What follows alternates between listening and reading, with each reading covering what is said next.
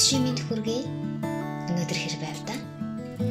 7 хоног бүрийн 2 4 7 буюу 2 дахь 4 дахь 7 дахь өдрүүдэд хятад хэл дээр хүргэдэг хайрын тухай түүх маань эхлэхэд бэлэн боллоо.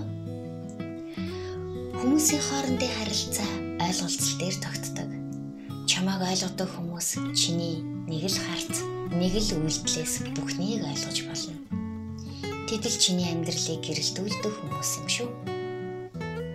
Ингээд харийг үлгээ тоглонсоо сонсоорой.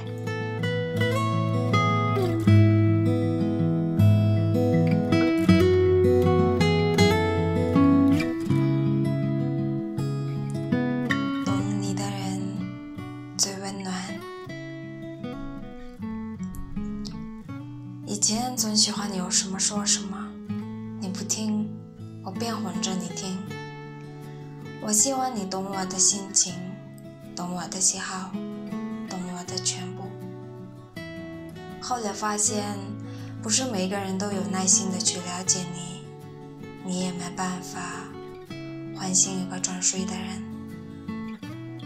于是你开始学会收敛自己的心事，你不听。我便不说了。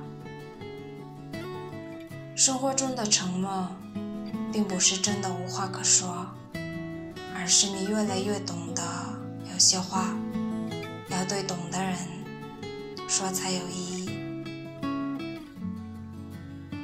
一个懂你的人，始终明白你的所思所想，你的一个眼神、一个动作，他就能读懂你的心思。许多事情你不用解释，懂你的人总是无条件的信任你，因为看得见你内心的纯粹，所以不会道听途说，也不会轻易把你抛下。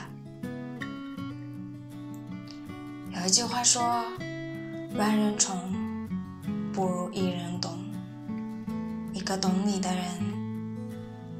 才能让你感觉到。